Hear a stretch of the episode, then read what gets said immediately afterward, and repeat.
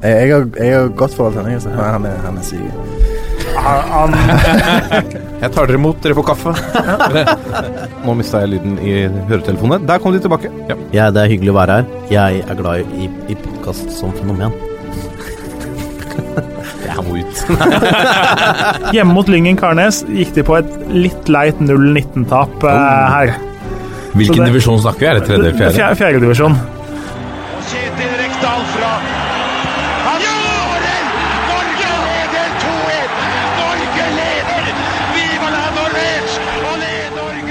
Og der er eh, toppfotball tilbake igjen. Vi har lagt en uh, lang en, en, uh, Altså en, ethvert, enhver tidsperiode uten at vi sitter i dette studio en gang i uka og snakker om ball, føles så uendelig lenge, selvfølgelig.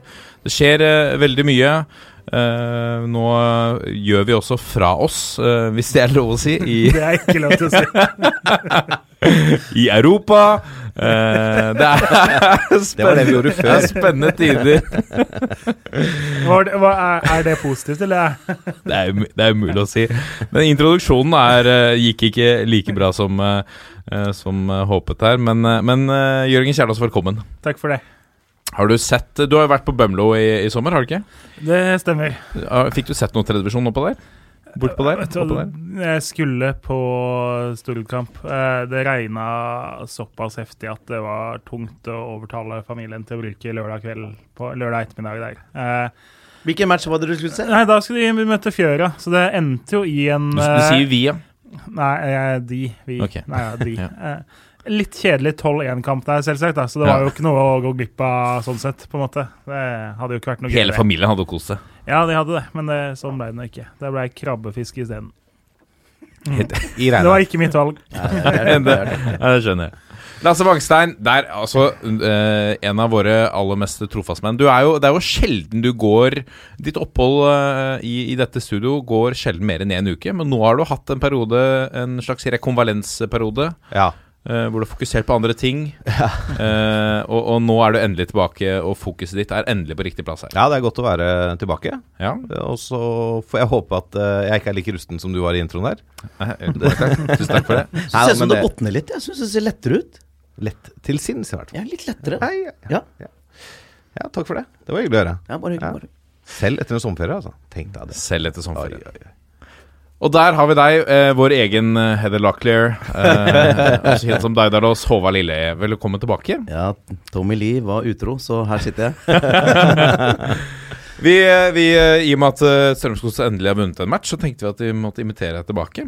Ja, det var vi, altså, det, det har jo vært prat om at jeg skulle komme tilbake og prate om uh, godsets fall. Mm. Uh, men nå uh, får vi se hva det blir. Ja, for plutselig, Det skulle én kamp til, og så er optimismen igjen i Drammen. Ja, egentlig to matcher. Det var altså Det tapet mot Glimt òg var jo sånn uh, løfterikt uh, energimessig. og de punsja og de pressa jo et glimrende Glimt-lag eh, bakover. Men, men da tapte vi jo. Det er jo det er mye klasse i det Glimt-laget.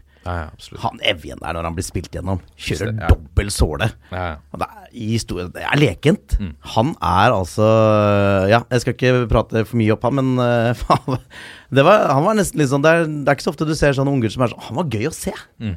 Han var litt sånn. Men uh, uansett, eh, da var det jo bra trøkk, og så, og så fikk vi jo seieren vår nå. Uh, og det var jo lenge siden.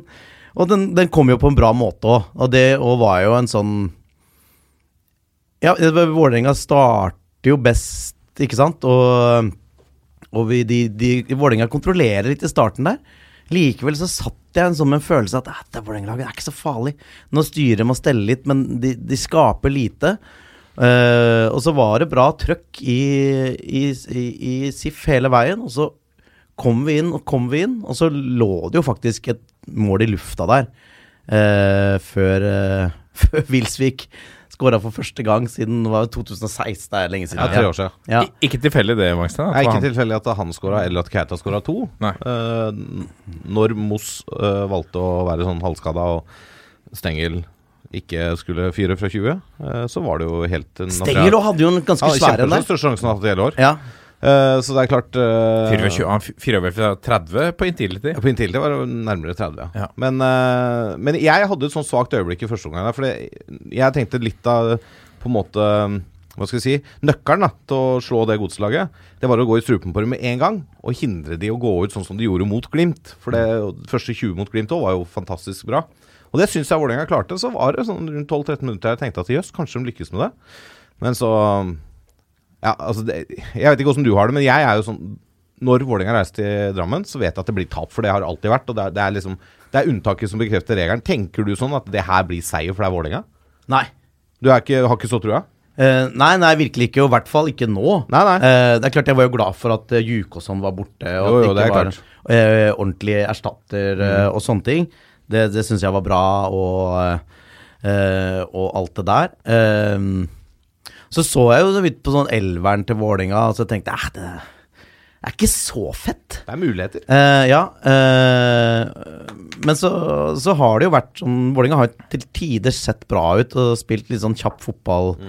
eh, bra på kontringer og, og sånn. Men, eh, da, men jeg satt jo med den følelsen på tribunen at når Vålinga styrte og stelte litt i starten, at de ja, de hadde bra kontroll i banespillet, men jeg syns de tok like lite risiko. Det var lite sånn 'nå skal vi fram, inn i boksen', dunke, dunke, dunke inn. Det var mer sånn at de hadde, de hadde the upper hand i matchen. Ja.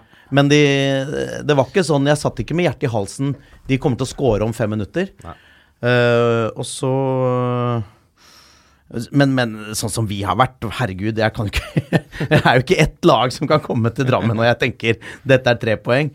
Eh, så, så, det var, eh, så det var jo ekstremt Det, det som er rart Det som er rart med, som er rart med fotballen, er at det har jo vært helt natta, ikke sant? Eh, vi har jo ikke fått det til. Eh, og, og starten der med, med, med Bjørn Petter og sånn, det, det var jo rett og slett ikke bra nok. Det var ikke punch, det var ikke kraft. Eh, og så kommer Henrik Pedersen inn, uh, og de første matchene med samme mannskap, så, så sitter du også da med litt den følelsen eh, det er ikke nok. Mm, Og så henter han, og så er det Jeg tror, jeg tror uh, han trengte å rydde opp litt for å bare få den nye energien inn, da. For det var så mange spillere der som kanskje var så langt nede at du måtte få inn noe. Mine herrer, vi skal snakke mer om Ja, eh, godset, øh, men øh, la oss gå videre. Nå skal vi først ha ukens øh, tulipan og kaktus ved Lasse Wangstein. Eh, I, i denne sendingen så har vi Den er fullspekka med, med ting og tang. Altså Vi kan jo sitte og preike her om godset uh, ei stund. Det skal vi gjøre i, uh, i pulsen.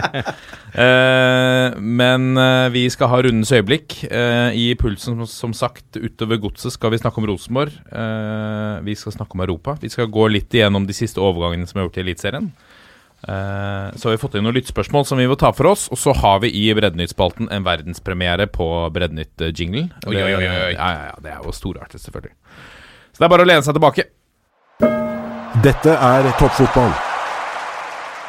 Og da har vi kommet til eh, denne spalten som også har tatt uh, ferie like lenge som spaltens president uh, Lasse Wangstein har vært borte. Men nå er både spalten og presidenten tilbake. Ja, skal jeg begynne med tulipaner eller kaktus?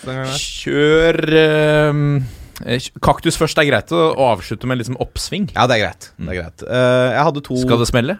Ja, kanskje. Jeg, hadde, jeg, hadde, jeg hadde to alternativer den gangen her. Eh, det første da, som ikke ble valgt, er jo frieri på fotballstadion i pausen. Det må vi slutte med. Det er så, det er så kleint. Er du fristet, lille? Marienlyst der? Og fri på, på gammelgress? Ja, I pausen av kamp Det hadde jeg aldri tenkt- foran 7000 tilskuere. Og så tenk deg alt det vonde jeg har gjort eh, i det offentlige rom. Opp, oppimellom. Men det hadde jeg ikke klart. Nei, nei. Manshow videre? Ja, og det var jo Det er klart det er annet når det er Det er noe annet når det er liksom på vegne av et program, og Ja. Alle sier til deg 'idiot', ideen er sjefen. Kom deg foran kamera med et smil om munnen. Men uh, det er Nei, det, det hadde jeg nok ikke klart, nei. Men det er rart. det blir sånn minikaktus til Haugesund, der, i hvert fall. Hva sa du? Det blir en sånn minikaktus da i Haugesund. Men var, var uh, Rekdal rørt på ordentlig? i Nei, nei, nei, det her var Det var bare tull? Ja, ja, Det var bare tull, ja. Tror jeg. Ja. Ganske sikker på. Jeg vet ikke, Kan han bli rørt? Ja, det kan han helt sikkert. Ja. Uh, men eh, ja, han gråt jo da Vålerenga eller, ikke rykka ned i 2003, blant annet. Men ehm, Men det, da, det var jo av seg sjæl. Ja, ja. I klarte det! I klarte det. Ja, si, Det er ikke det sier jo det. Alle trodde Reka sa 'vi klarte det', men han sa jo egentlig 'i klarte det'. Ja. Nei, eh, jeg har jo for øvrig en historie fra Sandefjord, hvor noen valgte det samme stuntet i en kamp mellom Sandefjord og Vålerenga. Hvor de var litt sånn korpulente, da, de som skulle gifte seg. Og hele klanen begynner å synge 'Grete Rode, klapp, klapp, klapp'. Grete Rode, klapp, klapp, klapp. Ikke sant? Så det er jo altså, Du må være forsiktig vet du, med sånne ting. Jeg har sett et klipp av frieri på stadion en gang, der, eh, der det ikke blir ja. Oi, det er også Det er det man altså Det er jo eneste grunn til at sånne ting som det her bør være lov. Fordi at det, det er tross alt noen prosent sjanse for det der virale klippet. Som, men jeg tenker at for, for han fyren her så er det jo fint at vi ikke har fått var eh, på norske stadioner. Gått inn og analysert liksom om eh, hun faktisk sier ja på en overbevisende måte. Faktisk, I det tilfellet her så var det hun som fridde til han. Det var hun som satt på kne. Ja. Det er ikke skuddår engang. Nei. Få det bort, som de sier i andre podkaster. ja. Ja. Bare si nei når folk spør. Ja, bare si nei. Ikke gjør det. Uh, men kaktusen, da. Det her blir, um, blir litt som når spillere gjør gjentagende feil, og, uh, så taklinger, og så får de til slutt det gule kortet bare på gjentagende taklinger. da ikke Er det for- enda en kaktus? Ja, det, er, det her var jo eg- alternativet som ikke kom opp. Og så Ja, begynte ja, ja, en bobler, en bobler, altså. Ja, bobler, Ja, bobler. ja, ja, ja, ja. Ok. Så det her er sånn for gjentagende forseelser. Uh, og da skal vi til dommer Trygve Kjensli, vær så god. Han får rundens kaktus. Ja, Og det er, det er litt fordi det som skjer på, i mandag på, eller på mandag på Åråsen, hvor han etter to minutter snyter Mjøndalen for en åpenbar straffe, hvor Tobias Salkis skal ha rødt kort, som kan gjøre at den kampen ender helt annerledes. Og det er jo selvfølgelig viktig for Mjøndalen, og hadde vært uh, viktig for uh, Lillestrøm andre veien. Eh, samtidig så er han jo en fyr som av mange spillere oppfattes som meget arrogant, eh, og som nekter å gå i dialog underveis, og som roper til spillerne. Eh, og det er jo ikke første gang han gjør store matchavgjørende feil i kampene han dømmer. Han er, har dessverre vært svak lenge, og, så det her blei på en måte det gule kortet. Eh, For uh, gjentagende forse- forseelser, eller for at han er dårlig jevnt over. Så nå har han faktisk fått karantene i neste runde. Han var egentlig satt opp til å dømme mandagskampen, men eh, er nå fjerna fra dommeroppsettet. Det er lenge siden det har vært eh, sånn tydelig karantene på, på dommerne. Men eh, det er kanskje greit å ta seg en pause. Syns litt synd på han, jeg nå. Det er litt synd på han. Uh, sikkert en fin fyr og alt det der, men du Og, og så sier folk du får den dommeren du fortjener når du spiller Eliteserien. Men jeg syns at han holder et nivå under eliteseriespilleren, altså. Ja, Men du kan ikke si det heller. Altså, Du må jo prøve å få best mulig Ja, ja, i alle ledd. Ja, jeg er enig i det. Enig Det kan ikke være sånn Nei, nå syns vi ikke Eliteserien er så bra, så da er det greit med dårlige dommere. Ja. Nei, så det blir Trygve Kjensli. Han får eh, vanne kaktus mens han uh, nyter karantenen. Du vanner kanskje ikke så mye kaktus, strengt tatt? Den klarer seg ganske greit uten han. klart å, å drepe en kaktus en gang. Det er, så, den, den holder en stund. Men Trygve, ring Jørgen Kjernås hvis du lurer på hvordan du skal behandle kaktus. Ja, riktig. Men kjøp den sjøl, da. Eh, ukens tulipan. Nå gleder jeg meg. Hvem er det? det, den går rett og slett til eh, ingen ringere enn Eirik Horneland. Ja, det er Fordi han har stått så rakrygga, og han har tatt imot så mye dritt når det storma som verst eh, etter en noget trå sesongstart oppe i Trondheim der. Eh, mange ville ha han sparka, mange mente at Rosenborg hadde valgt feil mann, at det var 14.-valg og alt sånn. Eh, og det kan hende at det var riktig, men han sto der. Han har trua på eget prosjekt, og ja, han har gjort noen justeringer og gjort det mer til 4-3-3 enn den 4-4-2 som han er vant til å spille. Eh, man kan nå få altså, betalt med å ta Rosenborg til Champions League gruppespill for første gang på tolv år. Og det er imponerende. Og ikke minst, jeg begynner faktisk nå, selv om jeg mista litt troa i vår, og nå begynner jeg å tro at det faktisk Rosenborg kan ta igjen Molde og Glipp og ta det seriegullet jeg spådde før sesongen. Fordi jeg er i så fin flyt nå at Hvor langt opp er det? eh, Er det ikke sju-åtte poeng eller noe sånt, da? Ja. Hvis de slår Odd nå, så ligger de, de Odd ligger på tredje, i hvert fall. Så ligger de to poeng bak Odd. Ja, ikke sant? Så, Og så er det innbyrdes oppgjør der. Glimt slår de alltid, ikke sant? Det er sånn Nei, det er eh, Spennende. Det kan fort være at eh, Rosenborg eh, løfter den bøtta igjen, altså. Fint. Men han får tulipanen eh, Horneland for det. Det er imponerende. Vi snakker mer om Rosenborg i Pulsen. Dette er toppfotball. Så er vi kommet til rundens eh, øyeblikk, og vi begynner med uh, Lilleheie. Uh, Begynner med Lilleheie? Ja, la oss gjøre det. Koselig. Hvor skal Jeg er vi jo nå? gjest. Ja, du er er gjest. Ja, ja, ja. Tross alt. Det, det er sant. Ja. Det må vi utnytte. Hvor skal vi nå, Håvard? Du, vi beveger oss til, til det som eh, fremdeles i ja, fi, fem måneder til er Buskeruds fylkets hovedstad, før Buskerud slutter å opphøre. Til Marienlyst stadion. Og jeg, jeg tenkte, hvilket mål skal jeg velge? Jeg tror faktisk jeg velger det første målet til Keita. Med der vår nyervervelse fra Raufoss, Mikkel Maigård. Meget god spiller. Mm. Jeg, jeg, er jo ikke som jeg, får, jeg er ikke som Jørgen, jeg får jo ikke fulgt uh, Obos tett nok og sånn.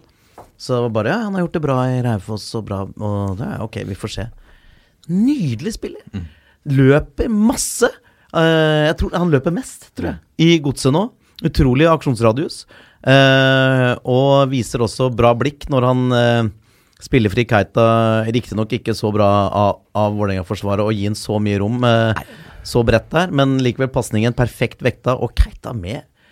Det er, altså, Keita det er jo noen ganger han roter seg bort, men der er det Keita på sitt beste, full av mot og pågangskraft. Kjører på. Bare en liten retningsforandring, og stang inn. Mm.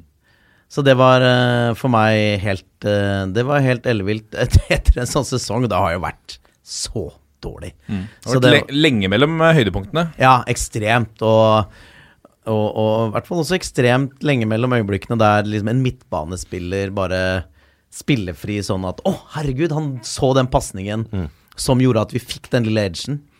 Så det var deilig å se. Så det blir mitt øyeblikk. Nydelig. Lasse Mangstein? Ja, eh, mitt rundens øyeblikk, eh, da skal vi til eh, rett over brua for Nordens Paris. Ja, riktig. Tromsdalen. Ja, Ja. ja. Eh, som i årets 17. seriekamp endelig kunne juble for tre poeng.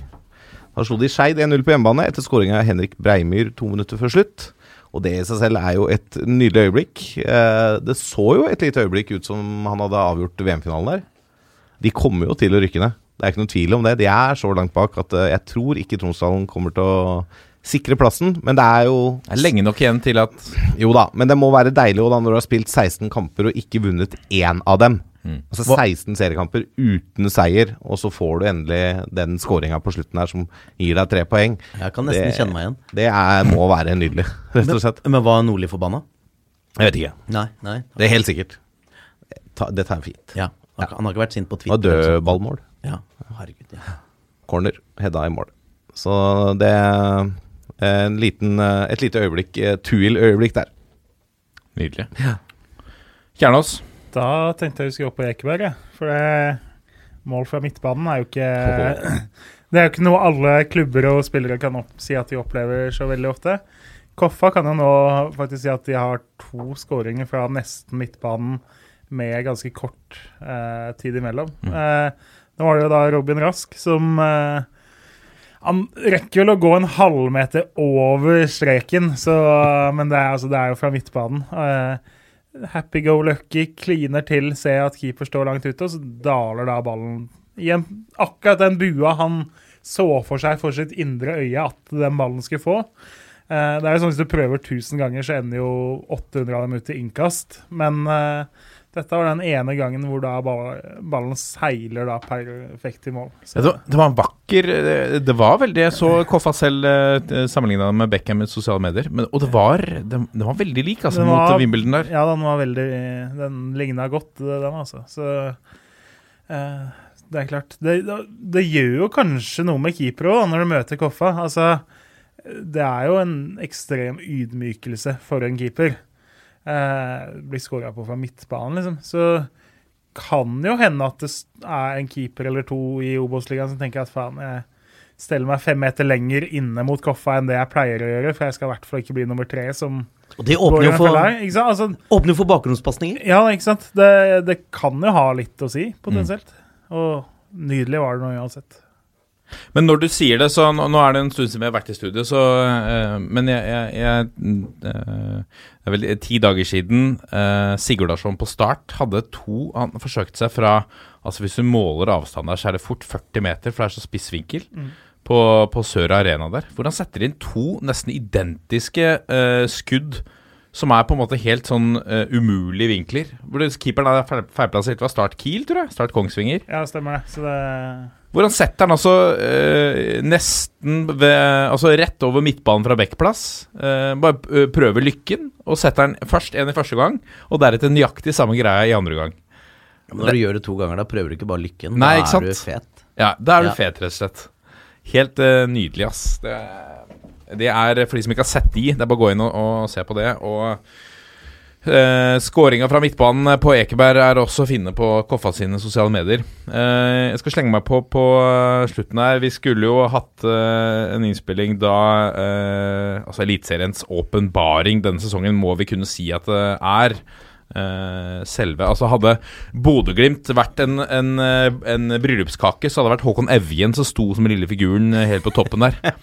Uh, Riktignok ikke aleine, kanskje, men én av figurene helt på toppen. Han og Lajoni, da, eller? Han og Joni, vil jeg, vil jeg tørre å si. Nå eh, Det er jo det at Evjen er tenåring, og gjør det, gjør det liksom Fantastisk. enda mer Kjempegøy. Og man liksom lurer på kan han, Hvor skal han gå? Går han rett til Bundesliga, liksom? Slipper han å ta det der mellomsteget? Er han så fet? Og nå mot, eh, mot eh, Viking igjen. Skåra sitt syvende mål. Eh, 19 år. ka- eh, Kantspiller. Uh, introduserte seg med dette fantastiske skuddet. Husker jeg ikke, det var på Aspmyra. Mjøndalen. Mjøndalen. Det var i, Ja, det var i Mjøndalen, ja. i, eh, Trives Buskerud? Ja. Trives, uh, trives der. Kanskje Godset burde prøve å hente den? Da blir det mye Han mål går på Den, den økonomien har vi ikke. Han, han har vært for mye nå. Men Han altså, går heller ikke til Rosenborg, som han han ville gjort for eh, 15 år siden. Ja, men det er jo det motet òg. Og det, øh, både det, det 1-0-målet han skårer mot oss, og også den han har på overtid mot øh, Mjøndalen der. Jeg vet ikke, det er vel, hva var det, et kvarter på overtid. Ja. Uh, det er den derre det, det motet han besitter òg. Du er, du, du er 19 år, har ballen på høyrekant, og så trekker du deg inn i banen og bare limer den lengst i borterste der. Og så er det bare, vel forrige det. to serierunder siden hvor han hadde uh, denne Zidane-piruetten inn uh, Ja. i, eh, i feltet der og avslutter. Altså, altså 99 av 100 19-åringer hadde spilt ballen på det skuddet mot Mjøndalen. Ja. De hadde spilt ballen sentralt til en um, eldre lagkamerat. Ja, og du ser det også, ikke sant, når de Jeg, jeg ser jo alle med SIF, øh, og i de periodene når du sliter skikkelig, og du ser at ingen tør noen ting, alle spiller på sikkerhet, for, for alle er redde, så er jo han det motsatte. Ja. Stikk motsatte. Deilig. Får nesten håpe at det blir i Glimt ut sesongen. Det har vært gøy å se hvor mye Ja, de kan kan få ut av det. liksom en sånn eh, trehoda troll som kjemper om seriegullet nå, da. Ja. Rosenborg melder seg på, og så har du Odd og Brann som ligger og lusker rett under der. Så har du Molde, Glimt og Rosenborg. Tenk om Glimt tar det! så gøy, da! Tenk om Glimt tar det! det er jo, hvis de vinner hengekamper og sånn, så er det jo Da er de på Ja, topp. altså, ja, vinner dem i kveld mot uh, Vi spiller jo inn nå rett før serie, den, de tre kampene på onsdag. Hvis de vinner i kveld mot Kristiansund, så er de serieleder to poeng foran Molde med like mange er kamper spilt. Det er fantastisk. Dømt nord og ned. Kjetil Knutsen og alt det de holder på med. Ja, jeg, har solgt Vi har ikke uh, peiling, vi som sitter her nede. Jeg har ikke fulgt med en dritt. Nei, nei. Det er, altså, det er jo det sjukeste, for altså, nesten alle hadde jo på en direkte nedrykksplass. Ja, ja. De solgte unna de tre sentrale. Levde Eh, null sjans. noen av oss syns jo vi tok godt i, jeg hadde, uten at det skal være selvskryt. Altså, jeg hadde vel som 11 eller 12. Ja. Og det er vel omtrent det høyeste noen sør for uh, Brønnøysund uh, har tippa dem, liksom. Det tror jeg. Eh, fordi de var jo dødsgode i vinter òg.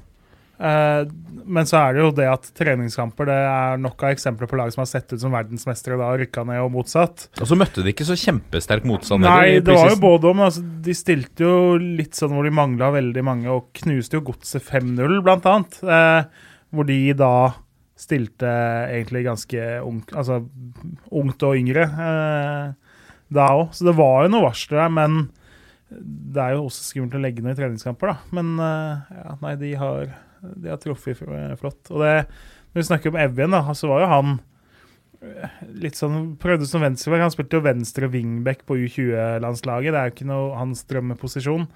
Eh, man hadde liksom ikke helt hans plass i godselaget heller, så han var litt sånn i vinter at uh, hvor lenge skal han holde ut uh, i Bodø, på en måte, å, hvis jeg ikke får sjansen nå. Mm.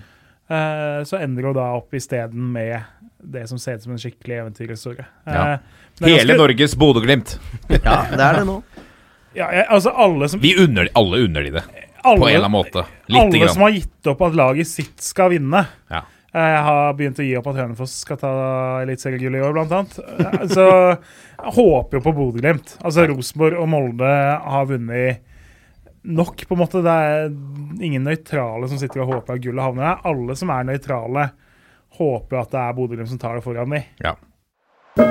Nå kommer pulsen. Og da har vi kommet til pulsen, og vi begynner eh, pulsen med det som du helt eh, korrekt påpekte, Håvard. Vi skulle jo møtes for å snakke litt om Strømsgodsets fall, men nå peker pila oppover. Og hva er det egentlig som har skjedd rundt denne nye dansken? Ja, det er bare én seier, da. Men eh, hvis, hvis vi ser helt tørt på det Det er sant. eh, Men det som har skjedd, er jo eh, en Altså, for det første så er jo han en skikkelig karakter. Eh, han tar plass. Han, han Du ser på fyren, han vil så ekstremt mye. Eh, og, og det Du merker jo at hele byen har bare tatt det til seg. Eh, at det her er en fyr Han brenner sånn for dette her. Eh, og han er nok en, tror jeg, også en sånn trenertype som veit hva han vil. Det er liksom my way or the highway. Eh, og alle spillere må være med på det, og orke det. Eh, og det var, jeg snakka jo med noen sånn, litt sånn ekspertfolk da han kom inn, eh, og spurte ja, åssen tror du dette går? Og de, da sa de typisk sånne ting Ja, gegenpress med den gjengen der. Vi får se. Eh, men han har jo skaffa seg en litt ny gjeng. Eh, og, både, og de ser jo bra ut, og de fra før av som er igjen, ser jo mye bedre ut med de nye. Og det jo Det er jo energien. Eh, for det første så har de jo, i hvert fall sånn som det har sett ut i de to matchene, truffet bra med overgangene. Og det har jo vært også litt sånn modige overganger, ikke sant. Det ikke er eh, en del spillere som jo da kommer fra andre land, altså folk du, jeg aldri har hørt om før. Altså, De henter jo da en spiller fra Via Real som Petter Wæland knapt kan si et eneste ord om. Det Som jo følger spansk fotball, og da Via Real spesielt, relativt tett, kan vi vel slå fast. eh, så, ikke sant? Det er jo ikke en spiller som har vært på B-laget om en gang. Der. Han har vel spilt én kamp for Via Real B, men kommer da egentlig fra tredjelaget, liksom. Så det er jo ganske langt ute i fotballperiferien det endte fra. Ja, og det er jo tydelig at det er, det er jo Henrik Pedersen som har, eh, sånn som jeg ser det, hånda på rattet i forhold til hvem som blir henta. Eh, og det, det er jo tydeligvis en fyr som han har visst om, da. Men sånn bør ikke være litt sånn at treneren, manageren, har en del å si på hvem de henter. For han må jo få lov å hente de spillerne som han føler kan utøve hans type fotball best mulig. Jo, det er jeg, det er jeg veldig Hvis det er det som er kriteriet, ja, så er jeg Eh, helt og, enig. Og, og særlig siden altså, han står jo for en, eh, en spesiell måte å spille Ja, ja. på, med aggressivitet, gegenpress du skal kjøre på. Og apropos hans øh, energi, da. Jeg leste på Twitter et eller annet sted, det var noen som sammenligna hans energi på sidelinja med Ronny Deila rundt seriegullet. Ja, for det. Hvordan Ronny Deila opptrådde på eh, sidelinja da. Og var sånn energibunt og liksom fram og tilbake og høyt men og det du så jo Ronny nå, var jo noe helt annet. Ja, bare står der. Det, det var ikke det samme. Nei, Vi skal ikke snakke om Vålerenga, men, Men, det er eh, bare ja. Ja, men det Ja. Ronny medgang er jo fantastisk, og han Ja. har jo en egen kraft i seg. Eh, det, det vil jeg si. Men, eh, men her har jo Og så er det jo også de to signeringene fra Obos-ligaen som begge ser kjempebra ut. Altså bank i bordet. Så langt helt opp Mikkel Maigård. Og som jeg har snak snakka om i starten der, men også han Moses Mava. Som, ja, du ser at han er litt uferdig i noen aspekter ved spillet, men han har altså et sånn trøkk Ja, Altså fysisk pakke, vet du. og en sånn vilje. Ja. Og, og du merker at det bare Og du merker at publikum har tørst etter det. Eh, og se Og en sånn type spiss, da. Nå er de selvfølgelig alle spillere og er forskjellige, men, men en sånn fyr som liksom jager på alt, tar med stoppere på ordentlige løpeturer og sånn, eh, det, det har vi ikke hatt siden Ola Kamara. Ja, jo, dere har hatt eh, den, det halvåret da Markus Pedersen trodde han skulle gå for store penger på sommeren. Den våren da han skåra åtte mål eller noe sånt på ti kamper, i, Ja. i fjor vår. Men helt annerledes spisstype. Jo, jo, men altså, han, han er jo den jagertypen, eh, litt Markus òg, på en måte. Han er jo bikkje. Ja, men på forskjell... Ja, ja, ja, jeg skjønner hva du mener, Markus sin, sin, sin suksess når han Det tenker jeg handler veldig mye om at han er god på innløp. Mm. Og god på å bare være først i boks Ja. og bare dunke den inn. Det, det, og der var han jo på sitt beste Altså, det må vi gi fyren. Mm. Helt fantastisk. Men, men Moses Mava annerledes. Altså måten han kjemper fram det derre 3-1-målet, Mm, eh, er virkelig sånn Det er noe eget. Ja. Så han tror jeg vi skal få Han, han liker jeg veldig godt. Det skjønner jeg godt. Men hva er det som har eh, skjedd nå da, siden, siden BP, konkret? Altså, hva det, det er tidlig å si. Vi må gi, gi dansken mer tid. Men, Ja. men Det hva er, det er én trepoenger. mm, ja. Ja. Og så gode tendenser mot Bodø-Glimt, som du Ja, det var det også. Så det har liksom vært eh, eh, Altså, etter at eh, Etter at eh, handlefesten ble gjennomført, etter det så har det jo sett positivt ut. Men tror, tror du at det snur nå? For godset? At det, det, de sikrer plassen? Jeg tror det snur og blir bedre. Mm. eh, og så tenker jeg 50-50 om det er nok. Ja. Eh, For jeg fordi, tenker- fordi det er jo et stykke, ikke sant? Eh, det er luke. Det er ikke sånn vi ett poeng bak. Men, sam, men samtidig så møter vi mange av de som er rundt oss Mm. uh, de neste ukene. Uh, ja, noen av de er jo et stykke foran, men ikke sånn utrolig langt foran. Mm. Det er klart, Slår vi Viking borte, det er ikke lett, men gjør vi det, så ja. Ja.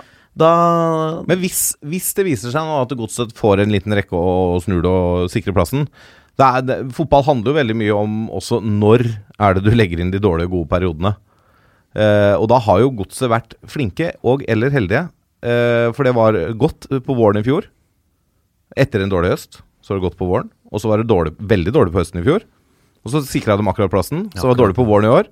Hvis du da får en god høst nå og sikrer plassen igjen, så får du de periodene akkurat på riktig tid, da. Vi har i hvert fall ikke råd til eh, noen dårlige perioder. Jeg har ikke råd til ti poeng i høstsesongen heller. Nei, Nei. Må ha mer enn det. Det må, det må bare sitte. Men nesten dobles. Ja.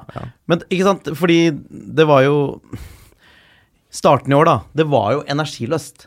Mm. Eh, og det var jo det, Altså, det gikk for treigt. Mm, Det spilles for treigt. Det spilles for mye på sikkerhet.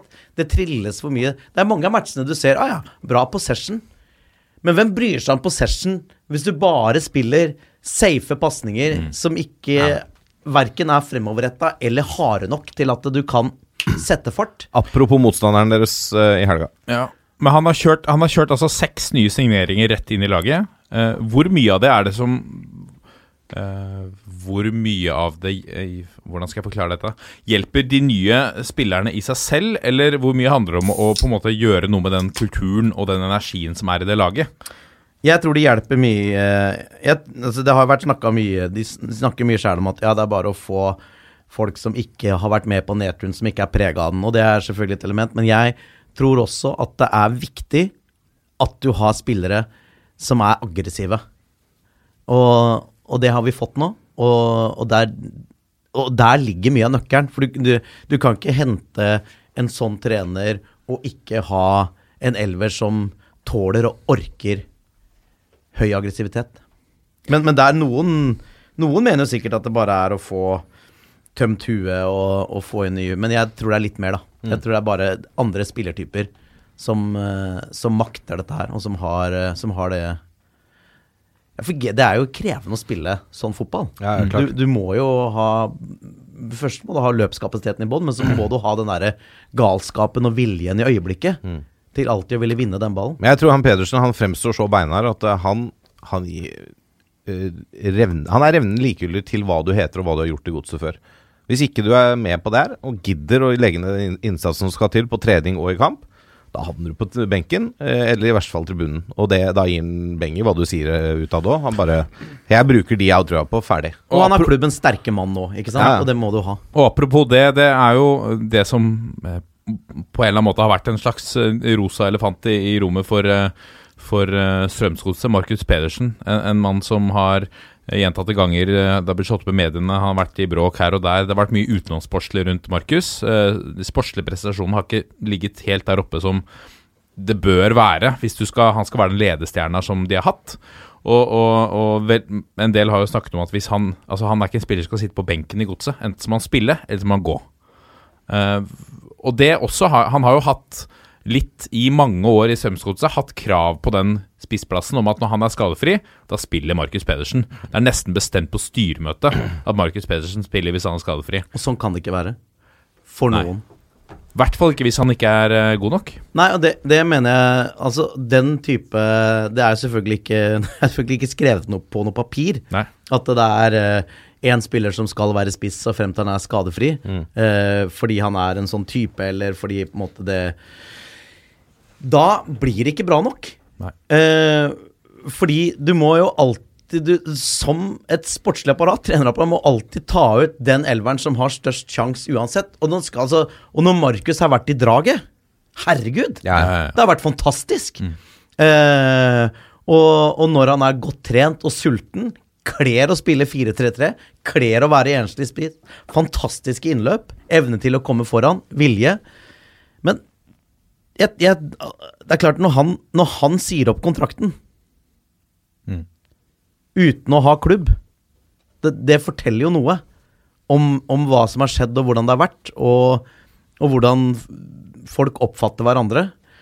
Så det er jo Jeg, jeg håper jo fyren får seg en klubb, og, og kan spille. Absolutt. Eh, og, og for Markus en del, da, at han får trent nok, blir ordentlig skadefri og, og finner et sted der han kan blomstre. Men eh, det er synd, da. Det er jo ikke noe annet å si. Men jeg Måtte kanskje skje.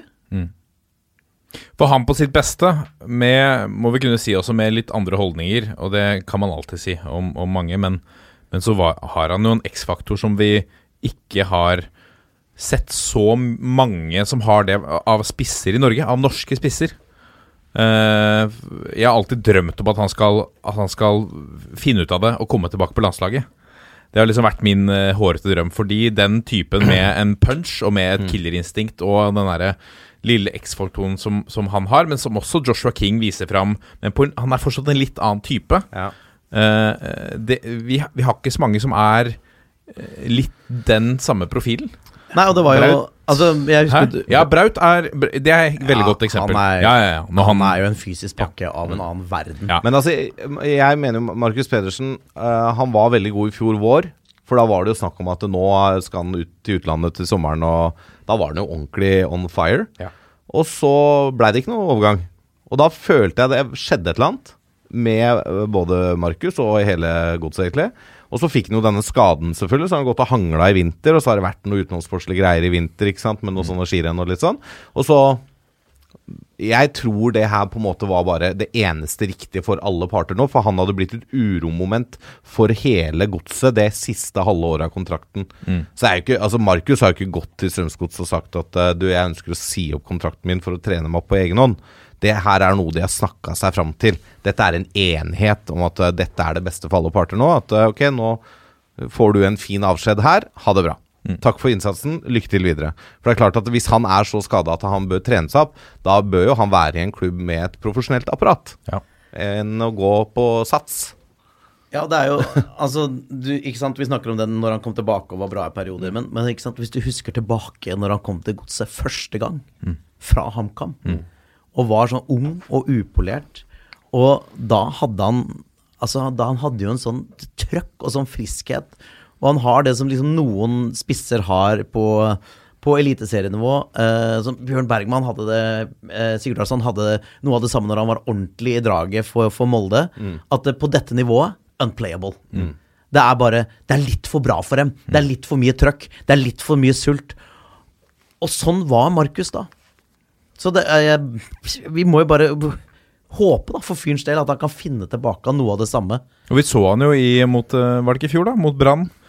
Altså, kanskje da uh, Eliteseriens beste stoppepar herja med de. Pissa på de.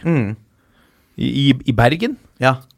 Han hadde de kampene hvor han tok ut dette lille ekstra. Det Da vil han eh, bevise, ikke sant? ja. Fordi han har et opphold i Brann som ikke var 100% Og så skal han vise Skal jeg vise dere hvem jeg er? Ja, Han virker som han trenger den litt ekstra tenninga. Han skulle bare spilt for alle klubbene i hele Eliteserien, så hadde han hatt en tenning hver gang, vet du. Det er en Mot nydelig alle. type. Vi må eh, bevege oss litt eh, videre. Vi har toucha litt innpå med, med Rosenborg. Um, eh, har det snudd nå? Altså det Jeg har ikke Ja, svaret er ja. ja. ja, men er det Men, men vi, vi var Ja, håp- åpenbart har det snudd, for det så helt eh, forferdelig ut eh, til tider. Men, men eh, eh, du nevner eh, potensielt eh, en gullkandidat, eh, Lasse. Ja. Har, vi, eh, har vi sett nok til å, til å si det?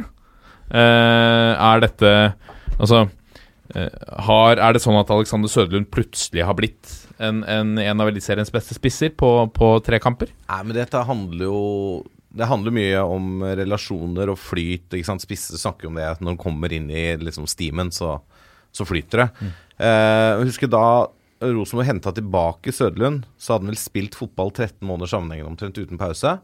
Eh, og så hadde Rosenborg Niklas Bentner, som det virka som skulle spille uansett. Ikke sant? Han var ledestjerna, han var the go to guy. Eh, så jeg tror Søderlund brukte litt tid på å på en måte finne seg sjøl igjen. Uh, og så har det sluppet mer og mer nå. Blitt benka for uh, Botheim da det gikk som trådøst. Liksom Botheim starta foran både Søderlund og Bentner. Hornland har gjort noe sånn ganske tydelige valg da, underveis, tror jeg, for å vekke litt sult. Og for å få de beste på en måte litt på beina igjen. Og altså sånn, sånn som Rosenborg spiller nå, og sånn som Søderlund passer inn i den Rosenborg-stilen, så er han jo helt klart en av Eliteseriens beste targetspisser i 4-3-3. Det er ikke noe tvil om. Og snakke litt om hvordan Konradsen har vært i det siste. Ja, Konradsen har vært enorm. ikke sant? Endelig få når spille indreløper. Ja, ja, når du Endelig får spille indreløper! Når du får sånne spillere da bak deg som spiss, da er det mye lettere å være spiss, også i Rosenborg. Så du må ha serveringa, du må ha alt det der. Og, så, og det, er, det er jo et bunnsolid lag. Det er, de har en bra stall, og du ser jo også nå i forrige seriekamp at de har, har bra bredde og har noen gutter som banker på. Så jeg, jeg tror Rosenborg kan være med helt inn. Men det var altså, altså Da Konradsen tidlig i sin karriere var i, i Strømsgodset, da var han jo indreløper og var kjempegod.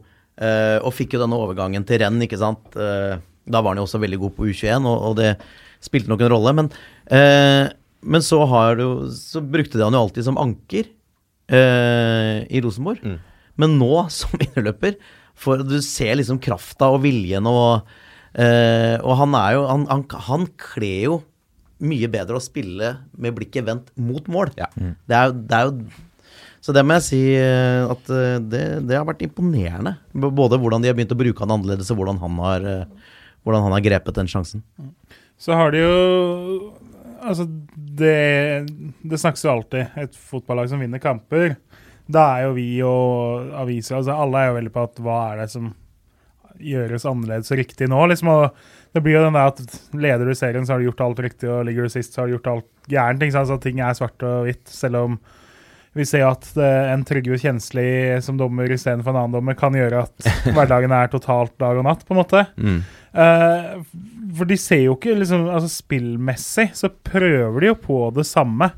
Uh, det er jo det som er mest imponerende med Horneland, at etter det her 4-4-1-1-forsøket i starten som de bare kasta på søppelhaugen med en gang, så har de jo spilt sånn som du venter av Rosenborg. Det har bare gått litt i sirup. Du har litt som hvis du ser liksom en kamp som lagger litt, ikke sånn at bildet hopper, men bare liksom Det henger litt, på en måte, da. Det har liksom gått i der 10 av for sakte. Og så sa jo da Konradsen nå etter at de slo ut Maribor, at uh, de, nå har de på en måte truffet Det er nå de er på topp av formen, da.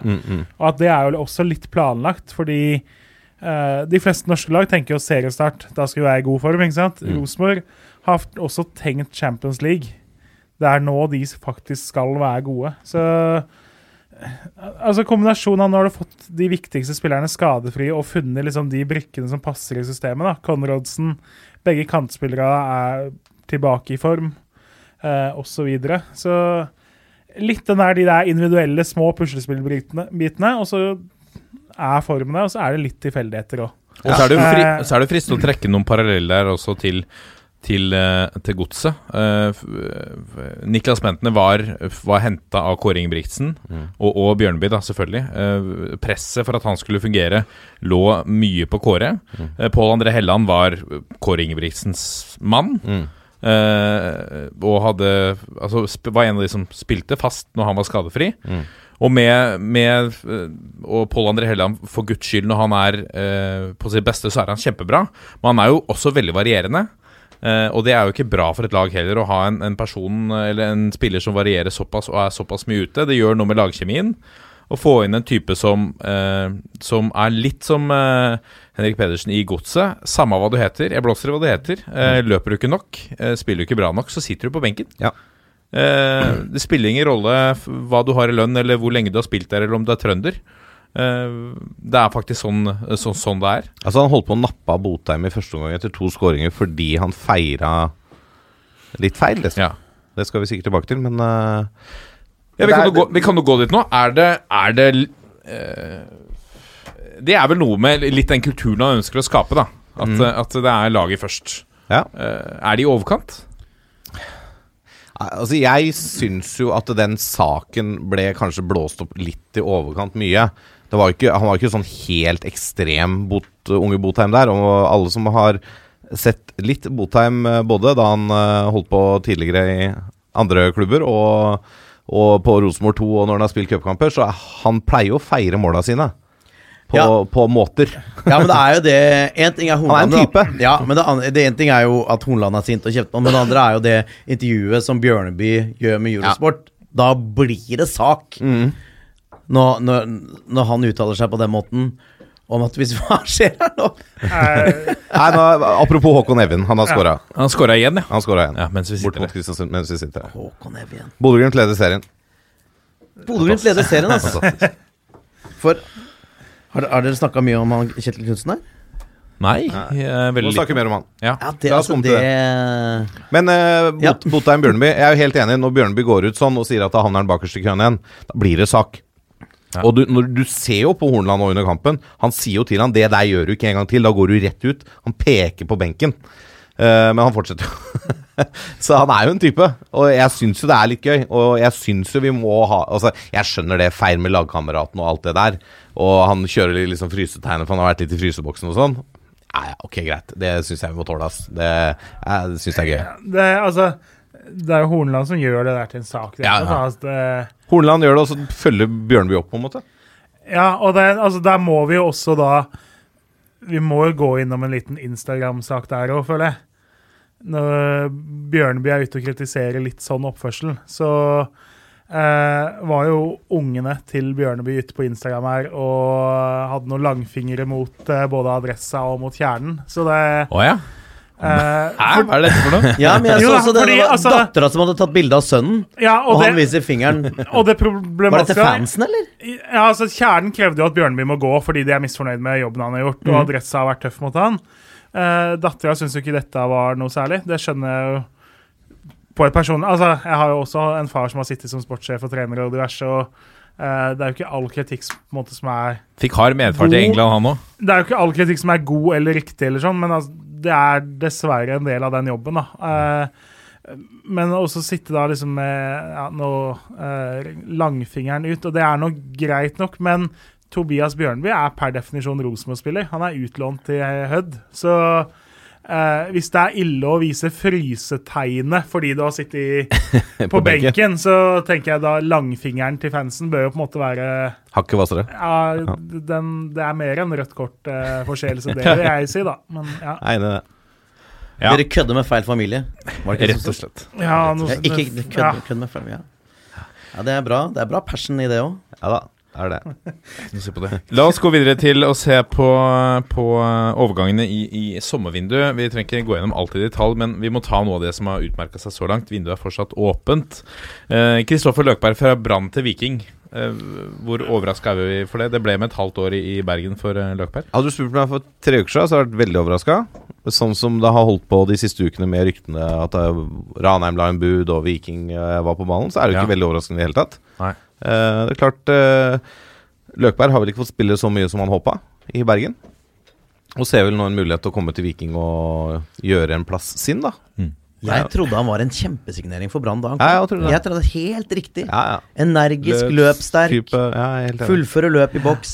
Men altså, Brann har jo helt snudd og Per nå så er jo Ordagic og Barmen ganske og Strand er tre ganske likeverdige til de to indreløperplassene. Eh, det var det jo ingen som ville tippa før sesongen. Altså, de fleste sånne forventa elvere hadde sannsynligvis Fredrik Haugen og Kristoffer Løkberg på de to. Mm. Eh, Haugen òg har jo ikke levert og måtte tusle rundt og spille tredjedivisjonsfotball isteden, stort sett de siste månedene, mens da Løkberg heller ikke har gjort det godt nok. Så jeg skjønner det jo for Brann. De er ute av cup, de er ute av Europa. Løkberg er egentlig nå per definisjon et femtevalg til to indreløperplasser. Eh, han kommer til en klubb hvor han går rett inn på laget ett døgn etter å ha signert. Det, det funka ikke i Bergen, og da jeg tror det er en lur løsning for alle parter. Bra for Viking. Ja, ja, jeg tror det, og det er vel snakk om at han kanskje vurderes som en sånn uh, sittende midtbanespiller i Viking òg. Fordi øh, Berntsen ikke er helt fornøyd med den øh, jobben som Fride Jonsson gjør, da, i, i forhold til rekkevidden. Han er god fotballspiller og sånn, men uh, så selv om han er en veldig bra indreløper, Løkberg, så tror jeg Berntsen vil ha litt mer løpskraft i den sentrale. Eh, og da kan jo Fridtjonsson spille indreløper, og der kan det være faktisk enda bedre enn i den eh, Så det kan være veldig bra for Viking, det. Og så er jeg Jeg blir litt glad av sånne overganger fordi ja, Hvor gammel er Løkberg nå? 30? 31? Han, nei da, han er 92-modell. Oh, ja, ok. Ja. Men uansett, da. Han er liksom i sin beste alder, da. Eh, for han må spille fotball. du flirer over Ja, men det er nok, det er nok Bare flirer at det er liksom full kontroll. Han har 92-modell. 92-modell. Jeg har ikke sjans. Jeg, jeg, det kan Det er så deilig å ha med Jørgen, vet du. Ja, ja, ja. Det er så deilig å bare lene seg på. Vet du. Det er irriterende å sitte med fasit hele tida. Bort på hjørnet der. Uh, nei, men det er um, Altså, det er nok av spillere som sitter ut godt betalte kontrakter, da. Mm. Istedenfor å spille. Men han har lyst til å spille, han. Så da kanskje han tar et lite lønnskutt, og så går han til Viking. Jeg liker det. Han var ikke så sugen på det lønnskuttet. Det var derfor det tok så lang tid. Ja, ja, selvfølgelig. selvfølgelig. Det er klart. Ja. Men så er det, og, og synes jeg det også er Det er nok eh, smart av Viking også. Nå ligger de på tiendeplass. Mm. Eh, Nedadgående form. Ja, det har de. Så de er nødt til å gjøre noe. Hvis de ikke gjør noe nå, så kan det fort bli for seint. Mm. Eh, og du har, et, eh, du har noen lag bak der som Altså Stabæk eh, fighter seg jo alltid tilbake og, og prøver å beholde eh, plassen med, med nød og neppe. Du har Sarpsborg som kommer til å så kommer til å skjerpe seg. De kommer til å beholde plassen. Selv om de ligger eh, nesten nederst nå. Godset eh, kanskje på en oppsving tilbake. Altså Det er ikke så kjempemye som skal til før de havner ned i sumpa. Nei, det, og det er jo litt sånn samme, Etter godsekampen her så fikk jeg eurosportet til å høres ut som det er Jesus som har stått opp. eh, på en måte Det er på det nivået hvis godset skulle berge plassen nå. Eh, de har seks poeng opp til Viking, som da er sju plasser over, liksom. Så det, det skiller ekstremt lite. Nå snakker vi om mens Viking-Sarpsborg spilles, da. Eh, relativt stor forskjell på om det ender H eller B. Skulle Sarpsborg nå ende som vinner av den kampen her med en times eh, tid igjen, så da er Viking for alvor nede da, altså. Og, eh, som du sier, altså, Godset ser mye sterkere ut. Sarpsborg tar ekstreme grep og henter igjen en helt ny elver, omtrent. Eh, ja, jeg tror ikke Stavanger-publikummet skal føle seg komfortable ennå. Det som slår meg litt nå, nå har vi spilt 17 serierunder, er at vi har ingen sånn soleklar dumpekandidat som, vi, som har vært liksom Det har vært en, ofte en soleklar tabelljumbo i. Eliteserien. Ja, men er det ikke sånn, at det er sånn som uh, Godset lå med ti poeng etter Hvor mange kamper var det? Etter 16, vel? Eller 15-16? Det er ingen som har klart det. Nei, men de, jeg, åh, jeg hater de sakene. Hvorfor det? Hvorfor det? Nei, Hvorfor det? for, fordi det har jo så mye å si hva de to, tre, fire, fem, seks, sju lagene over har. Ja. Du finner jo eksempler på ok, lag som har ti poeng, men da har de liksom hatt ti poeng opp til kvalik og sånn. Mm. Fordi det, nå er det tross alt det er seks poeng opp til Viking. Det er sju lag innafor seks poeng. Det er én seier og én uavgjort, så er de helt oppe på samme poengsum. Så Det er fire lag opp til kvalik, og der Ja, ligger det, det ligger man- tre lag på 17 poeng. Ikke sant? Det- Man trenger jo ikke tenke på at nei, det her har aldri skjedd. før. fordi nå står man med 13 poeng, og det er kort vei opp. Og de fem kampene som kommer nå, da, mot andre lag nede i bunnen der, tar du 7-8 poeng, så er godset altså, Da er det jo godt opp på sikker plass. Eh, så, nei, hva som har skjedd tidligere sesonger, og når det har vært færre lag og Nei, det Ja. Det har, Du bryr deg ikke, du. Nei, det, hvordan tabellen ser ut nå, har, er tross alt noe helt annerledes fra Du har hatt sesonger hvor du kan si at de tre lagene her kjemper om kvalik eh, fordi det er så milevis opp fra de tre bunnlagene, liksom. Ja. Det blir noe helt annet. Så ja. Tromsø har hentet uh, United uh, det som sies å være et United-talent på 19 år, Aiden Barlow, uh, på lån. Eh, er jo et Forhåpentligvis et, et viktig redskap der for å prøve å, å karre seg litt oppover på tabellene, Tromsø. Jeg vet ikke veldig mye om, om dette. Spørsmålet er om han vet hvordan vinteren ser ut oppe i nord der. Men ja. Er det vel, ja, han får vel noen måneder i november, da. Eller noen uker i november. Det som gjør kan bli litt, litt kjipe. Blir litt mørke. Men det får han bare stå i. Der, er, der også har en bobler til en kaktus da, i forbindelse med den overgangen der.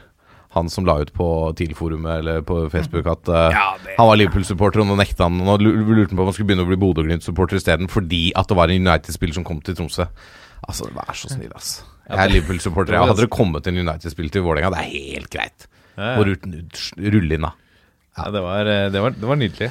Eh, omtalt som en eh, klassisk eh, engelsk wing som jobber hardt og disiplinert, sier eh, eh, Eivind Holt, United-ekspert, om, om Aiden Barlow.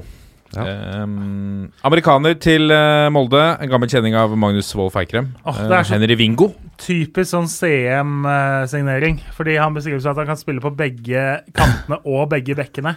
Eh, i, tidligere så kunne du bare ha fem mann på benken. Sånn i Premier League og sånn. Det var jo helt gull å ha da en som var både høyre-venstrebekk og høyre-venstrekant. Kanskje legge på litt sånn defensiv midtbane eller et eller annet i tillegg. Han kunne gå inn og ta halvparten av rollen i laget.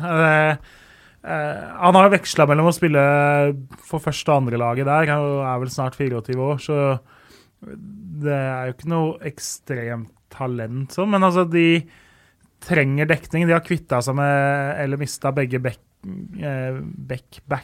Det ble et veldig vanskelig å si. Eh, så de har vært syltynne bak eh, Haugen og Harald seg der. Eh, litt sånn at kanten nå er litt eh, ikke helt tilfredsstillende heller. Så for dem så tror jeg det mer er én spiller inn som fyller flere behov, egentlig, da. Så vet jeg ikke om vi orker å ramse opp alle godsets signeringer. Tror ikke det er tid til det, det. kan vi Ei ikke. heller Sarpsborg 08, kanskje? Nei, det er et vi eget program. Ja, det hadde blitt en egen podkast. Men du har jo eh, keeper Martin Hansen, eh, Håvard. Hva, hva syns du så langt? Han var vel skyld i to av målene nå mot eh, Vålerenga? Han ja, han var jo skyld i begge. Ja. Eh, første bør han jo ta, og andre bommer han jo. Eh, men så så han jo bra ut ellers. så så begge, begge feil han gjorde, ble, ble utslagsgivende. Så det, ja, han er vel noe kamprusten, da. Så jeg, jeg, kan ikke økse en fyr etter én match. Nei. Du Eh, vil ikke ha en William Myhre igjen nå? nei. Nei. Jeg, jeg tror de må gå med han og, og bare få han opp, eh, opp på nivå. Men, jeg, men hvor mye veit jeg om Martin Hansen? Jeg, jo ikke, jeg har jo ikke sett mange matcher han har spilt. Holdt Nyland på benken i, Ingolstadt. Ja, ja, ja. Og hvis han, hvis han kommer opp eh, på det nivået, så er det jo mer enn nok. Og det, altså det, det de har prøvd med den overgangen, er jo å finne en keeper som kan være en potensiell matchvinner. Så det er jo det vi må håpe på utover høsten, at han plutselig kan dra opp eh, noen skikkelige redninger av sekken. Og kanskje litt rutinert ledertype òg, da. Ja, ja, han er jo eh, Men ikke sant, da må du også luke vekk feil. Ja, For at hvis du driver og gjør feil, det er vanskelig å være leder. ja vel. Vær som, som keeper hvis du gjør masse feil. Så ja, eh, han eh, jeg, jeg velger å fremdeles å ha trua på Martin Hansen. At det blir en bra signering for oss. Kan bli den største Hansen i buret siden Glenn Arne. Ja, Glenn Arne! Glenn Arne, man, ah, Han var alltid så hissig. Ja, veldig sint. Og det var eh, Han var en sint mann. Og, vi, da vi spilte cupfinale mot Follo i 2010 Ja. og slo dem Og da var det jo Glenn Arne som sto for Follo. Og da hadde jeg glemt liksom litt hvor hissig han var. Og så var tilbake med all den skrikinga med litt lyse stemmen. Fantastisk. Glenn Arne, ekte SIF-gutt. Glenn Arne var eh, Når Godset vinner nå, så kommer Glenn Arne til Bragernes torg. Og han var der igjen nå før uh, cupfinalen i fjor, som vi tapte helt fortjent mot Rosenborg. Ja, han er, han er jo også meget god på å se om det er offside eller ikke fra på motsatt side av banen. Han har veldig godt dybdesyn. Veldig, Veldig, godt veldig godt dybdesyn. Jeg har satt og sett den i noen treningskamper inne i Valhall, og det er altså så Er altså en Ja, men faen, dommer, du kan ikke blåse offside på det der! nydelig tenning. Ja, helt nydelig. Ja. Og, og god på strek, da. På sitt beste. Ja. Ja, Men ja, ja, eh. Tobias Christensen Ikke så god i feltet. Bare for å ta, gå videre på Ja. overganger. Tobias Christensen, Start Molde. Ja, det må vi kunne si. Det er jo eh, Det er spennende å, å se hvordan han Altså, vi hadde store forventninger til Christensen eh, da Start var oppe i fjor. Eh, og så er det altså, interessant å se om uh, Det var jo et lag som Ikke bare et lag. Altså, det var jo en haug med individer satt sammen som ikke fungerte. Ja. Uh, hvordan han vil fungere i, under Erling Moe der, med masse gode medspillere og Han også er en type. et driv. Ja, ikke sant? Eh, det er en kjempespennende signering. Ja. Og Jeg er veldig glad han ikke går ut. At vi kan ha han her litt eh, til. Han ikke går til sånn Køln eller et eller annet sånt noe rart uh, nedpå der. Nå er vel Køln i uh, dritt Bundesliga også. Ja, sannsynligvis. Men nå, nå, nå snakka vi om at Rosenborg melder seg på gullkampen og Glimt og sånn. Ja. Men dere holder vel Dere holder Molde fremdeles som klare favoritter? Absolutt. Molde er favoritter, Ja. det er det utvilsomt. Ja, ja, men helt klart. eh, De andre er kandidater. Rosenborg er en out, out, outsider. Det var første gang i. Utfordrer. Ja. Um, Stian Ringstad går til, har gått til Haugesund, allerede spilt. Um, altså, når, altså Når du ser hva godset har igjen De hadde jo en velfylt stall fra før av, og selv om veldig få har levert. Mm. Eh, se på en del av de navnene som ikke er aktuelle for 18-mannstroppen engang, liksom, så er det jo eh, Jostein Flos jobb nå de to neste ukene blir jo å forsøke å pushe eh, overflødige spillere på andre klubber. Eh, det er dyrt om eh, Henning Hauger skal sitte på tribunen, og så er det fem andre som er på samme lønnsnivå, som sitter der sammen med han. Så det er fort gjort at han bare sitter ut kontrakten. Ja, ikke sant. Det er, det er ikke en lett spiller å bli kvitt, men man må jo Du kan jo ikke ha 40 mann i stall heller, liksom. Så eh, at Stian Ringstad forsvant nå, det er naturlig. Det, Haugesund har hatt mye skader og et tøft kampprogram, så eh, ja. Så har Vålerenga henta ny midtstopper. Pierre Kanstrup har signert eh, kontrakt ut sesongen. Kommer gratis. Spilt i, i Turkiet. I Turkiet eh, en liten stund nå. Ja. Og de rykka ned, og da ble de enige om å si opp kontrakt. Så nei, det er Jeg vet ikke, jeg vet da søren, ass. Det er, det er sånn han Kaptein i Superligaen, da. Ja, har vært kaptein i Superligaen og har noen ukamper og Det ryktes litt at, at han mm, Stig Torbjørnsen prøvde å få han til Rosenborg for noen år siden og, og sånn. Kan være Eh, solid, det, da. Det kan fort være en solid ty- er, er jo det helt tydelig da når du er kaptein, må du være en ledertype kandidat. Men jeg har jo eh, med vekslende hell sett danske ledertyper kandidater eh, på stoppeplass gå til Vålerenga før, i Dan Thomassen og han um, Sistemann, som jeg ikke huska navnet på akkurat nå, han uh, lyshåra fra Esbjerg. Husker Nei, nei, du- ja, ikke sant? Eh, som var der en liten periode. Såpass har de markert seg også. Ja, ikke sant? Det er gått i glemmeboka allerede. Men uh, Ja, nei, så vi får se. Uh, jeg er også litt skeptisk til disse korttidskontraktene. Ja. Altså, han er Han er fri. Han har ingen kontrakt, og så gir du ham bare kontrakt ut året. Altså, Har du så lite tro på han, eller er det fordi at det, det er Tollås og Leder Bjørdal som skal være stopperne neste år, da? Eller altså, jeg, jeg Det er vet vel ikke. noe med å ikke binde opp folk som du ikke har sett, sett i Eliteserien ennå. Og ref. Dan Thomassen og litt sånne andre eh, signeringer tidlig, at eh, Ja det kan være greit. Kan jo også hende at han ønsker seg til en bedre betalt liga. På sikt, ja. Og, og tar Ok, da, da spiller jeg der i høst. Uh, får masse matcher, får vist meg fram. Lettere å få en, uh, Så kan det hende en at uh, fetere kontrakt i Dubai. Kan Hvem det hende ja. at pengesekken har skrudd igjen krana? ja, det kan du se. Og sagt at uh, noen store signeringer skal vi ikke ha, men dere kan hente på lån eller korttidskontrakter. Ja. Det er ikke så usannsynlig, det, altså. Nei, må bla opp Trøim. Ja. Opp med, opp med Og så har jo Vålerenga fått tilbake Aminori, da. Fra Ja. lån i Ostende. Så han har, Det har jo eh, gått helt under radaren også på Vålerengas egne nettsider. Jeg har ikke nevnt at den er tilbake engang. Spilte rekruttkamp på mandag, og er tydeligvis rangert som tredje beste høyrebekk i Vålerenga akkurat nå. Wow. Er ikke på benken engang. Ja, det er litt pussig, det der. Nå har Juarez gått ut med skade, så Borchgrevink spiller. Mm. Så Ikke med i troppen nå heller. Nei. Nei. Men det er nok sannsynligvis fordi trenerteamet mener han ikke er god nok. Han var jo skyld i noen baklengsmål i fjor, Amin. Men han kom seg veldig på høsten. Ja, jeg syns også det. Eh, men eh, det, ok. Det er så, sånne, sånne valg gjør disse trenere. Ellers er det litt rykter. Birger Meling eh, ryktes til Celtic, blant annet. Ehm, det er jo ikke Har ikke vært så dumt. Det, ikke, det har ikke vært så unaturlig, kanskje. Nei, selv om det Nå er jo Rosenborg videre i Champions League og Celtic røyket i går, men eh, det er klart de solgte ned solgte altså. akkurat en venstreback for 250 mill. til Arsenal, så de eh, og er vel ikke helt overbevist av mennesket de har henta egentlig for å erstatte. Så uh, ja, ryktene er veldig naturlig, og klart for han så fint steg opp og fi, enda finere utstillingsvindu potensielt mot større ligaer, da. Ja. Uh, men så må en jo tenke også at det er jo kjedelig å skulle gå dit og så kvalifisere Rosenborg seg til Champions League. Så Ja, Jeg- Kampen mot Kim Arnok og Hearts. Det er litt ålreit, det òg. Jeg tror jo han innerst inne kanskje har lyst til å sitte på gjerdet fram til Champions League-skjebnen er avgjort, da. Hva tror du Bjørneby tenker, da? Nei, Han er for gammel. Kan ikke spille, han. Han har jo et nydelig venstrebein. Ja, Stig. Inge. Ja, ja. Han kan jo vri til motsatt ving, vet du.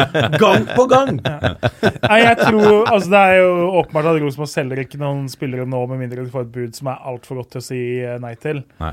Eh, og så klart, skulle han bli solgt, så får du ikke 100 odds på at uh, Fredrik Bjørkan kanskje bør ha på telefonen sin på vibrasjon uh, like etterpå. Så selv om det sitter langt inne for Glimt da, selvsagt, så skjønner jo alle at det fort er dit Rosenborg titter, selv om de da uh, prøvde å hente Birk Rigstad da før sesongen, som litt sånn backup eh, uh, et eller annet. For de må ha inn en back der, hvis melding går. De har jo ikke noe cover, så det er jo Anders Tronsen uh, spilte jo der nå, så det sier jo på en måte det meste om dekninga der. Ja, Det er egentlig tynt på begge bekka. i Trondheim. det er sant. Sånn delvis. Uh, Sarpsborg Lotte, Thomas Berntsen har sagt at de håper å signere en spiss denne uka.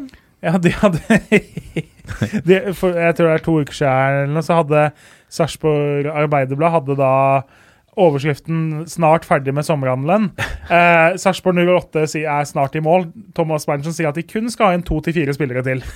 Så, det, Det er jo lite for dem. det, og da hadde de allerede henta tre-fire mann. ikke sant? Så Det sier jo litt om hvordan vinduene stort sett er da i Østfold. Men eh, klart, når de henta et halvt nytt lag, de har fortsatt ikke henta spiss. Eh, nå har de jo lagt om til 3-4-3 de siste kampene, som gjør behovet potensielt litt mindre. Men eh, jeg, nå sier de jo at det er en spiss på vei inn, og virker ekstremt klare på at det skal de ha inn nå i løpet av august.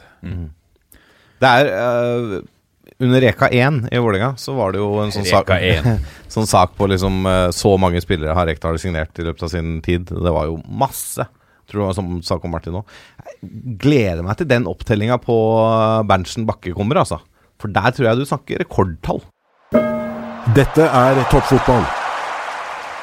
Og så har vi fått inn eh, litt uh, lyttespørsmål. Vi har jo faktisk dekket inn en rekke av disse. Det er mange som eh, spør om eh, godset, selvfølgelig. Vi har jo snakket en del om det om prosjektet Henrik Pedersen, Markus Pedersen. ehm, litt om det å, å få inn mye nye spillere. Uh, men eh, Odd Martin har et spørsmål. Han lurer på hvordan føles det å blitt sunget ut på eget gress, eh, Håvard?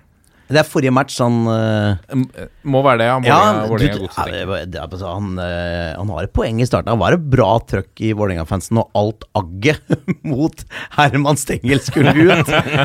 Da, da, da trøkka de til bra. Så ble det jo Men det ble jo en veldig endring i løpet av kampen. Det gjorde det, men, men de var Altså, klanen De var tente og fine når de kom, Lasse. Ja. Eh, og, men jeg syns jo Sif-fansen sang mye og bra òg.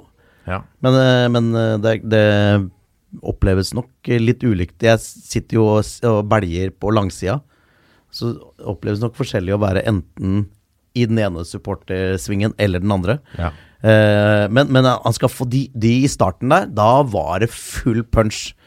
Men så gikk de veldig fort etter at, at de ble blåst av òg. Da tenkte jeg at da kunne de stått igjen og støtta litt i motgang. Ja. For da var det mange som forsvant kjapp ut. Ja.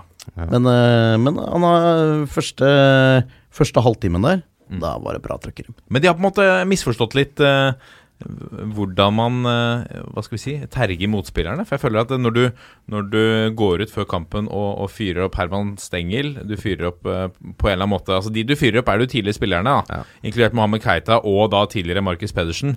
Måten klanen har eh, kjørt, kjørt i gang litt mot de spillerne Det er jo de tre typene der blir jo bare fyra. Det hjelper de bare. Altså det, det er jo en litt annen Altså Du trenger ikke eh, trenger ikke å gi dem gratis, at- liksom. Nei, og Liverpool-fansen sto jo ikke før kampen mot United og fyrte Broy Keane, for du veit at da enten så blir en av spillerne deres skada på livstid, eller så scorer han, uh, scorer han et par kasser. Ja. Så, så det er på en måte Men du kan gjøre det mot en litt redd, uten å komme med et eksempel på det, en litt sånn uh, valp, så er det kanskje litt Litt enklere å sette de ut.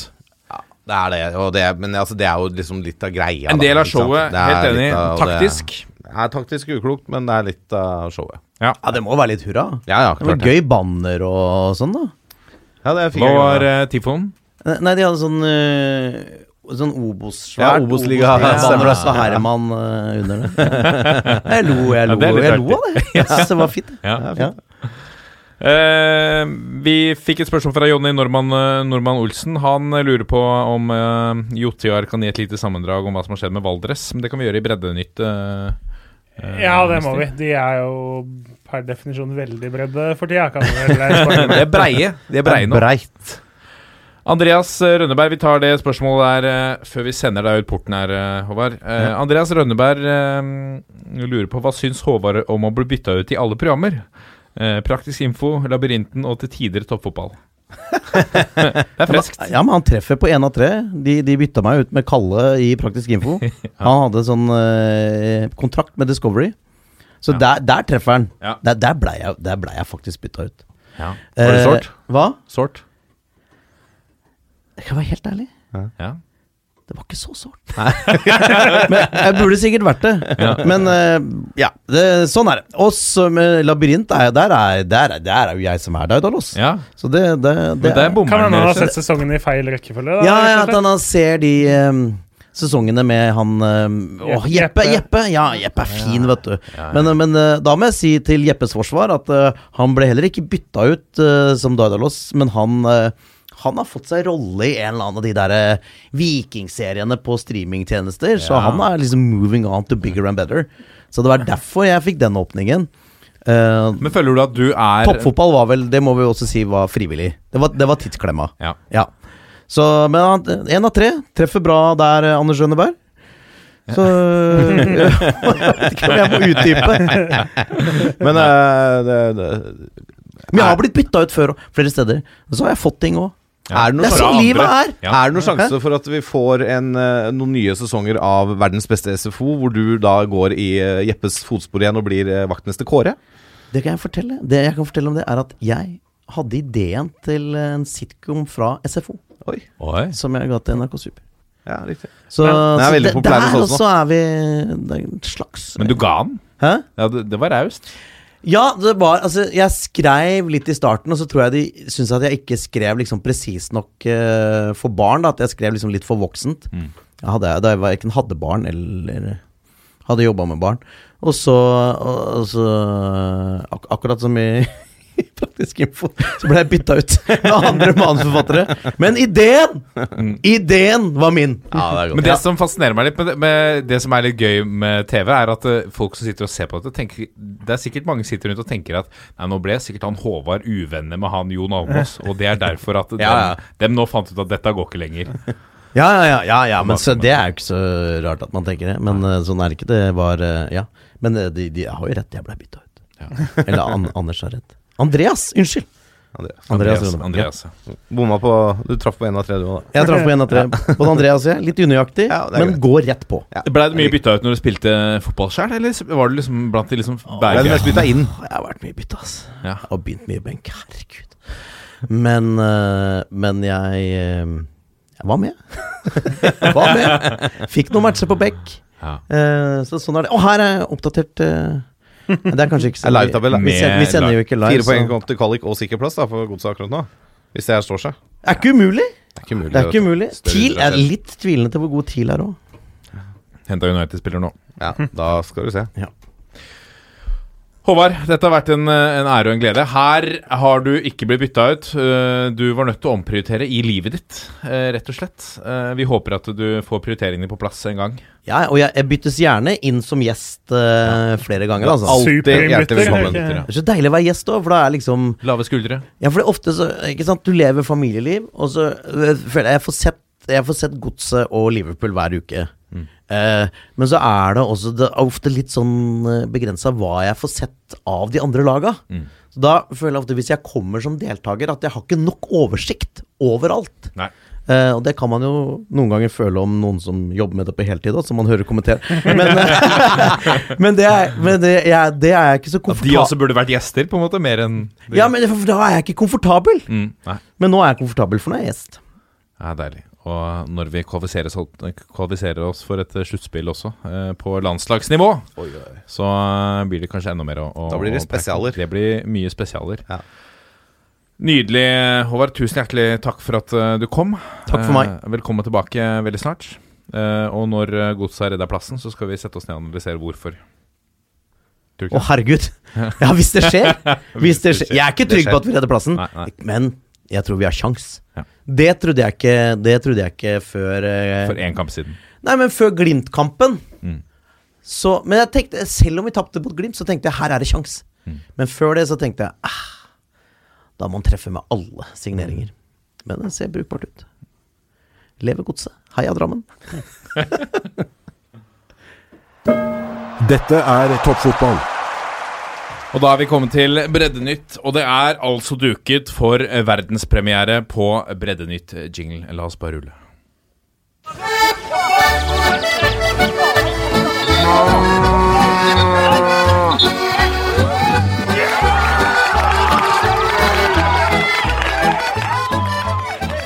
Da setter jeg over til eh, Breddenytts, eh, Breddenytt-spaltens president, Jørgen Kjernas, god. Det her var ganske nydelig, syns jeg, da. Ja, terningkast Eh, på eh, jingle. Du sendte den jo i den uh, chatten vi har gående i toppfotballredaksjonen, og alle Ja. likte vel den. Den var vel ganske ja, Spot on. Ganske bre bredt, kan vi vel si at det er. Vi må slenge ut en liten kreditt her til Vassendgutane, som har står for trekkspillet. uh, og, og deres legendariske Kefir og piano. Bare å sjekke ut på Spotify for alle interesserte. Så er det en, eh, en eh, kamp mellom Oppsal og eh, Kan det være Koffa 2 eller noe sånt noe, som spilles da i bakgrunnen der. Som, eh, Kua har jeg ikke noe kjennskap til. Hvor, hvor har du funnet kua? Så er det Jeg fant, fant kua på internett, jeg. ja. Mm. Den er norsk. norsk. Jeg liker at du sitter hjemme da og sannsynligvis googler liksom cow sounds eller et eller annet. Cow sounds, ja. ja. Norwegian Cow Sounds. Ja. Uh, yes, vi fikk jo et spørsmål om uh, Valdres. Det stemmer. Er det et lag som vel har definert seg selv som breddefotball i løpet av sommeren, så er det vel eh, Valdres. Eh, de har jo siden vi gikk inn i sommermånedene, hvis vi definerer juni, juli og august som sommermånedene, så innleda de jo med 0-8 for Os. Høyna til 1-10 bort mot uh, Fana. 1-10 for Djerv eh, 1919. Hederlig. 1-7 borte mot Brann 2. Da leda de vel faktisk i et par minutter, tror jeg også. Eh, 0-11 for Vard. 0-19 for Lysekloster. Vi har vel i introen til toppfotballen nå om 0-19 i fjerde divisjon. Dette er altså 0-19 i eh, tredje divisjon. Eh, Og det var da de stilte med elleve mann. De stilte 11 mann, fikk en strekkskade etter 20 minutter eller noe. Eh, Den er tung. ja, og da tenkte jeg jo Jeg var jo, som vi har nevnt, jeg var jo på Bømlo eh, i ferien. En times tid unna Lysekloster. Hvis jeg hadde visst de var elleve mann og ringt og spurt Hei, har dere melde overgang, betale overgangsskjema sjæl, har dere lyst til å ha med på benken? Hva tror du? Altså, er de så desperate? Jeg har liksom lurt litt på det. det hadde du fått tredjedivisjon, liksom? ja, ja, altså, det er jo tross alt bedre å ha elleve mann enn ti mann. Ja, klart, klart ja. Marginalt, kanskje, men i noen tilfeller, men like, ja. Mm. Det ser jo ganske tynt ut. Og så har de jo da 0-10 for Fjøra, som er et annet bunnlag, og 0-12 for Djerv 1919. Eh, det er jo resultat, en resultatrekke som ikke ligner noe som helst, og den 0-19 her er da nest verste tapet vel eh, de siste 16-17 åra i tredje divisjon. Altså, ja. Det, det er jo helt grusomt. Eh, og- Men hva, hva, er det som foregår ja, oppe? sant? Det er det folk lurer på. Og det, Valdres har alltid vært sånn at de Det bor jo veldig få mennesker der.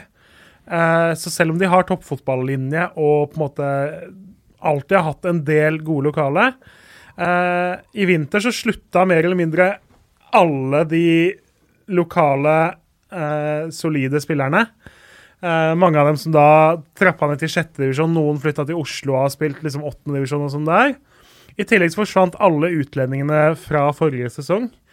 Så resultatet har blitt De henta jo da syv nye utlendinger, men de har mer eller mindre gitt seg én etter én. Uh, og de her lokale unggutta har jo da vist seg å ikke holde helt nivået. Så de har jo måttet fylle på med spillere fra et juniorlag som bl.a. har 0-13 for Brumunddal i den lokale juniorserien. Uh, Så når du må hente en, opp en 16-åring som eh, har vært med på å tape 0-13 for Brumunddals juniorlag Noen av oss har sett Brumunddals juniorlag spille 90 minutter i år òg, det, det var ikke Barcelona, det heller. Eh, Nå, nå gjør du ditt beste for å snakke ned Valdres. Ja, men altså Klart, de gutta som reiser rundt nå Ja. Nå er det det er det er en gjeng med 16-17-18-åringer som er lokale, og som faktisk har bestemt seg for at de skal gjøre sitt beste for at klubben faktisk holdes flytende. da. De veit at det blir nedrykk, de drar på tur og veit at de får juling. Men de stiller likevel opp. Da er jeg ved godt humør. Så all Ja. honnør til de unggutta. Ja, det må vi kunne si. Eh, det er noe annet enn Fram Larvik, eh, åtte mann i Nord-Norge. ja, ikke et vondt ord om eh, de gutta, men eh, klart Altså, klubben, det ser jo ikke bra ut. Og eh, de har jo landa på at etter overforbruk veldig lenge, da, så skal de ikke erstatte de her utlendingene som har forsvunnet. De, av de syv så var det kun to-tre igjen mot slutten av vårsesongen. Eh, De fire andre ble jo da ikke erstatta. Keeperen erstatta det jo da med en fyr som har spilt sjettedivisjon og eh, spilt spiss. Så han går fra spiss i sjette divisjon til keeper i tredje divisjon.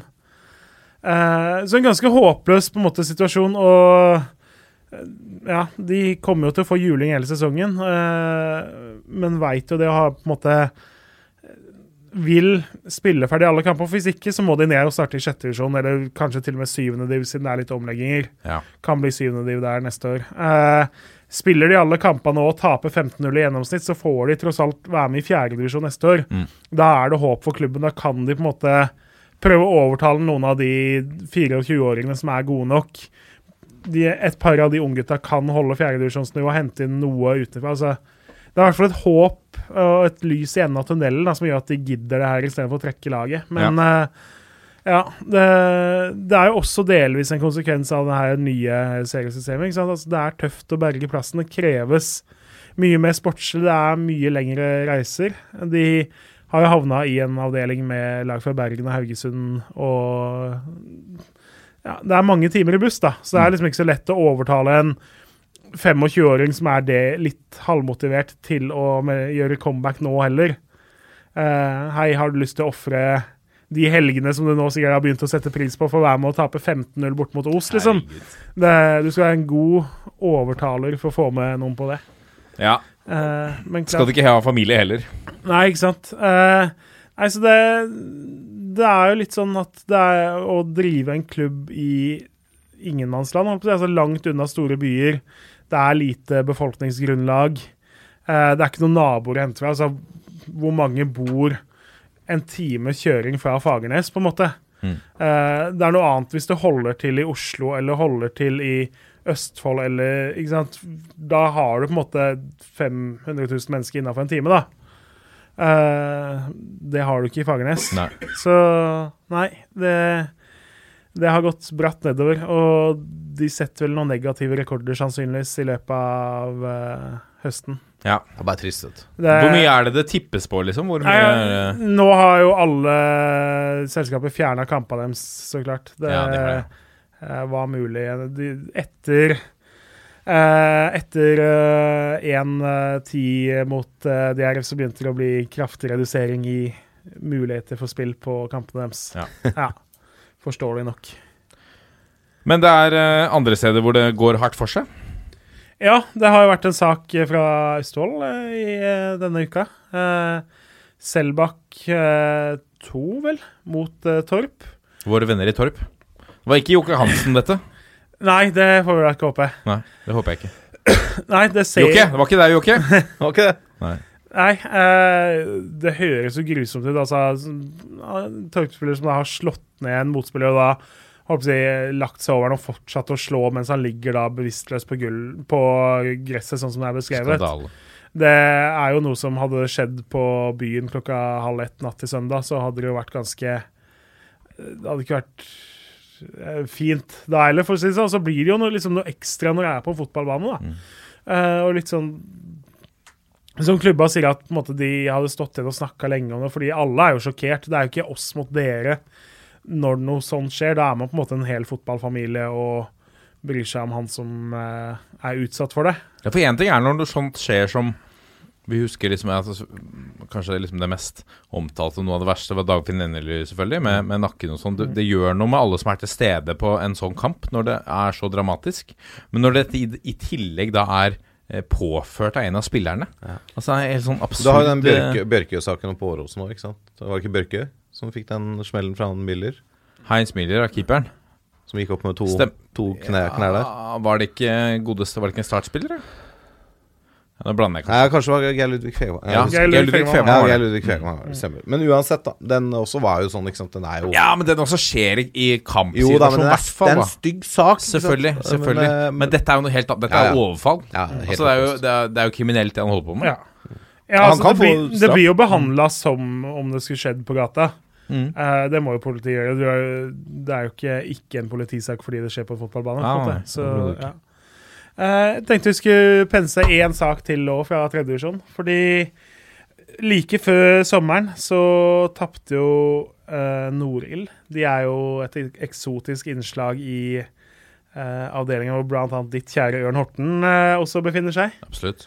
Uh, som jo har 13 lag fra Østlandet, også da Norild som eh, Tar du feil i det ene veikrysset, så er du plutselig i Russland før du aner det, omtrent. liksom. Verdt å vite for de som skal opp dit. ja, ikke kjør feil, for da plutselig så snakker de russisk. Eh, de tapte jo med litt uanstendige, hvis vi kan kalle det 1-9, borte mot Halsen. Ja. Eh, og så har de jo Norild er jo et lag som har tippa langt nede. Og så har de etter det hatt det ganske røft. Så altså, går fra 1-9 mot et annet bunnlag. Eh, vant riktignok da mot Drøbak-Frogn med 3-2, som er jumbo, men har ellers tapt 1-4, 0-4, 1-4, 2-5, 0-3, 0-5 i de andre kampene i sommer. Og så kommer da halsen opp til Finnmark. Har vunnet 9-1 og vet at Norild har fått juling. Norild vinner 7-2. Så liksom Du går fra å slå et lag 9-1 til å tape 2-7 for dem to måneder senere. Ja. Det ja, beviser jo at fotball kan være et uforutsigbart spill. Eller at det er tøft å spille på bortbane i Nord-Norge, rett og slett. Ja, både av to, kanskje. Mm. Ja. Nydelig. Det er, um, er det noe mer i breddedypet det er verdt å trekke fram, eller? Nei, vi Det er jo Altså, sommeren er jo stort sett ferie, fordi altså, fjerdedivisjon og nedover er jo ferie. Eh, en del serier som så vidt har starta opp nå. Så ellers så Så det er jo tredje og andre divisjon som bytter på å ha ferie, da. Eh, nei, vi, vi tar en liten gjennomgang på storskåret om en liten stund. Ja, det må vi gjøre. Vi må jo ha uh. Årets, årets øh, Henrik Udal. Henrik Udal, ja. Stem, årets Udal. Stemmer. Det må vi det må jo begynne å Jeg regner med at det er noen storskårere som allerede begynner å utkrystallisere seg. Det er jo noen kandidater, det er det definitivt. Og vi får noen nye bekjentskaper også, håper jeg. Det gjør vi. Det er bare å følge med. Og så skal vi også må vi ta en liten status på både PostNord og, og tredjevisjon uh, litt ut i eh, høst, sånn at Ja. vi ser litt uh, før det begynner å dra seg til, hvem som eh, ligger an til å kjempe om å ta et steg opp. Ja. Dette har vært, eh, Det er deilig å være tilbake. Snakke, snakke litt eh, norsk ball. Eh, Det skjer noe hver uke. Vi har mye, mange divisjoner å ta av. Uh, snart er det landslagskamper igjen. Kanskje vi får se Erling Braut Haaland. Det håper jeg. Nå ser han, han ser vass ut nå, ass. I draget. Hæ? Han er i draget. Tenkte jeg bare et scenario nå. Få Joshua King litt grann i gang der i, i Premier League bortpå der. Og, og, og se for deg få Haaland og King på topp sammen for Norge. Det er, høres ut som en ganske solid eh, spisspar. Det er ganske hockey. Ja. Det er jo et tidsspørsmål.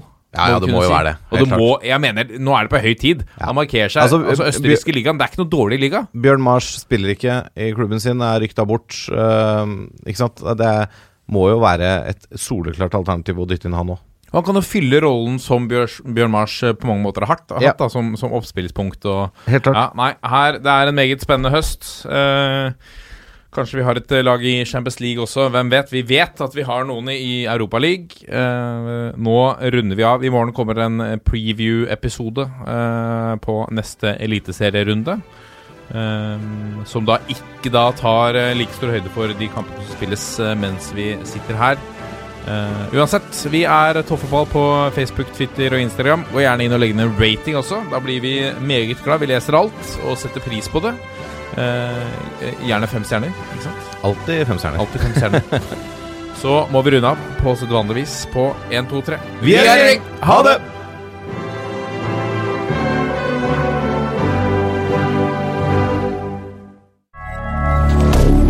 Moderne Media.